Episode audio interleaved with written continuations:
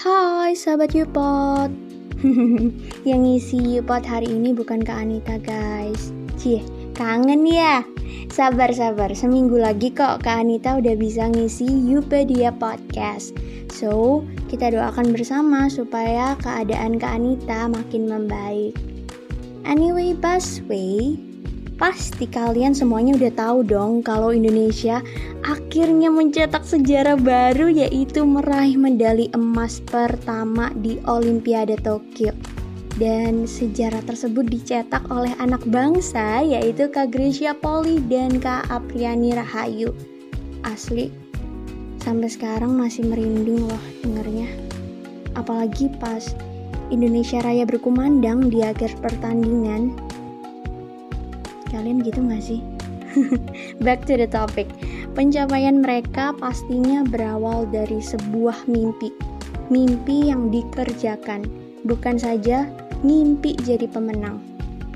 Well, it's not that easy dalam segala proses pencapaiannya harus mematahkan hambatan dalam diri. Contohnya, hambatan apa aja dan tips buat singkirin hambatan itu udah dibahas di episode 38, episode sebelum episode ini. So check it out. Setelah bisa singkirin hambatan, berarti jalan di depan kita udah mulai aman ya. Tinggal kita maju terus ke depan, terus meningkatkan kemajuan diri. Tapi dari mana mulainya? Yang pertama, milikilah tujuan hidup dan susun goals. Kalau nggak punya goals, hidup nggak akan maju akan gitu-gitu aja tanpa ada pencapaian. Contoh nih, atur tujuan itu misalnya kayak aku sekarang jadi maba psikologi. Aku punya salah satu tujuan hidup yaitu membangun awareness akan mental health. Salah satunya melalui aku jadi speaker webinar yang bahas isu psikologi. Dengan punya goals, itu membantu aku banget buat tiap pagi inget oh ya ini tujuanku. Jadi sekarang aku mau bikin konten mental health biar bisa mengedukasi orang lain nilai plusnya kalau salah satu instansi tertarik sama aku tanda kutip. Aku bakal diundang jadi speaker di satu webinar. Dan plusnya lagi aku dapat uang.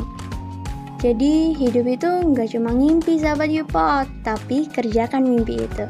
Yang kedua stop being a lazy person Hal itu dimulai dari hal kecil, contohnya bangun tidur, bilas muka, gosok gigi, bernada ya bun jadinya. Misal bangun tidur langsung bangun, langsung bilas muka, langsung gosok gigi, pasti habis itu kemungkinan buat males atau nunda itu lebih minim. Kita akan mulai merasakan enak ya nggak males tuh, enak ya nggak nunda itu Coba deh lakuin hal-hal kecil itu dengan konsisten. Karena bisa itu karena terbiasa. Bisa nggak males itu karena terbiasa konsisten nggak males.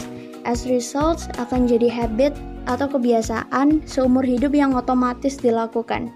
Berawal dari hal kecil aja. Yang ketiga, buat to-do list. Terkadang karena terlalu banyak banget hal yang kita impikan dan kita mau kerjakan, sahabat Yupot, kita jadi khawatir gue bisa gak sih? Gue kayaknya gak bisa deh terlalu banyak yang mau gue kerjain. Akhirnya stres. Ngerjain kagak, mikir terus iya. Jadi gak akan pernah bisa buat selesai karena mikir doang, gak ada aksi. Nah, gunanya to-do list adalah punya list pekerjaan yang urut dan terancang sesuai skala prioritas dan deadline. Kamu tahu secara keseluruhan kamu mau ngerjain apa aja, di hari ini ngerjain apa, besok apa, kapasitasmu dalam sehari ngerjain apa aja, seberapa banyak. Kamu yang ngatur semua itu dalam to-do list. Akhirnya kamu jadi lebih tenang karena rencana ke depan udah tergambar dengan jelas. Yang keempat, di samping kerja-kerja-kerja, buat refreshing, kembangin hobi aja. Misal suka nyanyi, ya udah nyanyi meskipun asal-asalan. Setelah itu bisa nyoba hal baru loh sahabat Yupot. Misal belajar teknik vokal yang benar. Jadinya ada kemajuan di produksi suaramu. Jadi lebih bulat misal, lebih jernih, lebih berpower. Segala hal yang kamu coba itu untuk keuntungan dirimu sendiri kok. Jadi keuntungan itu kita ciptakan, bukan kita harapkan aja sahabat Yupot. Meskipun proses pasti capek, pasti banget. Kalau capek ya istirahat. Asal jangan nyerah dan never quit.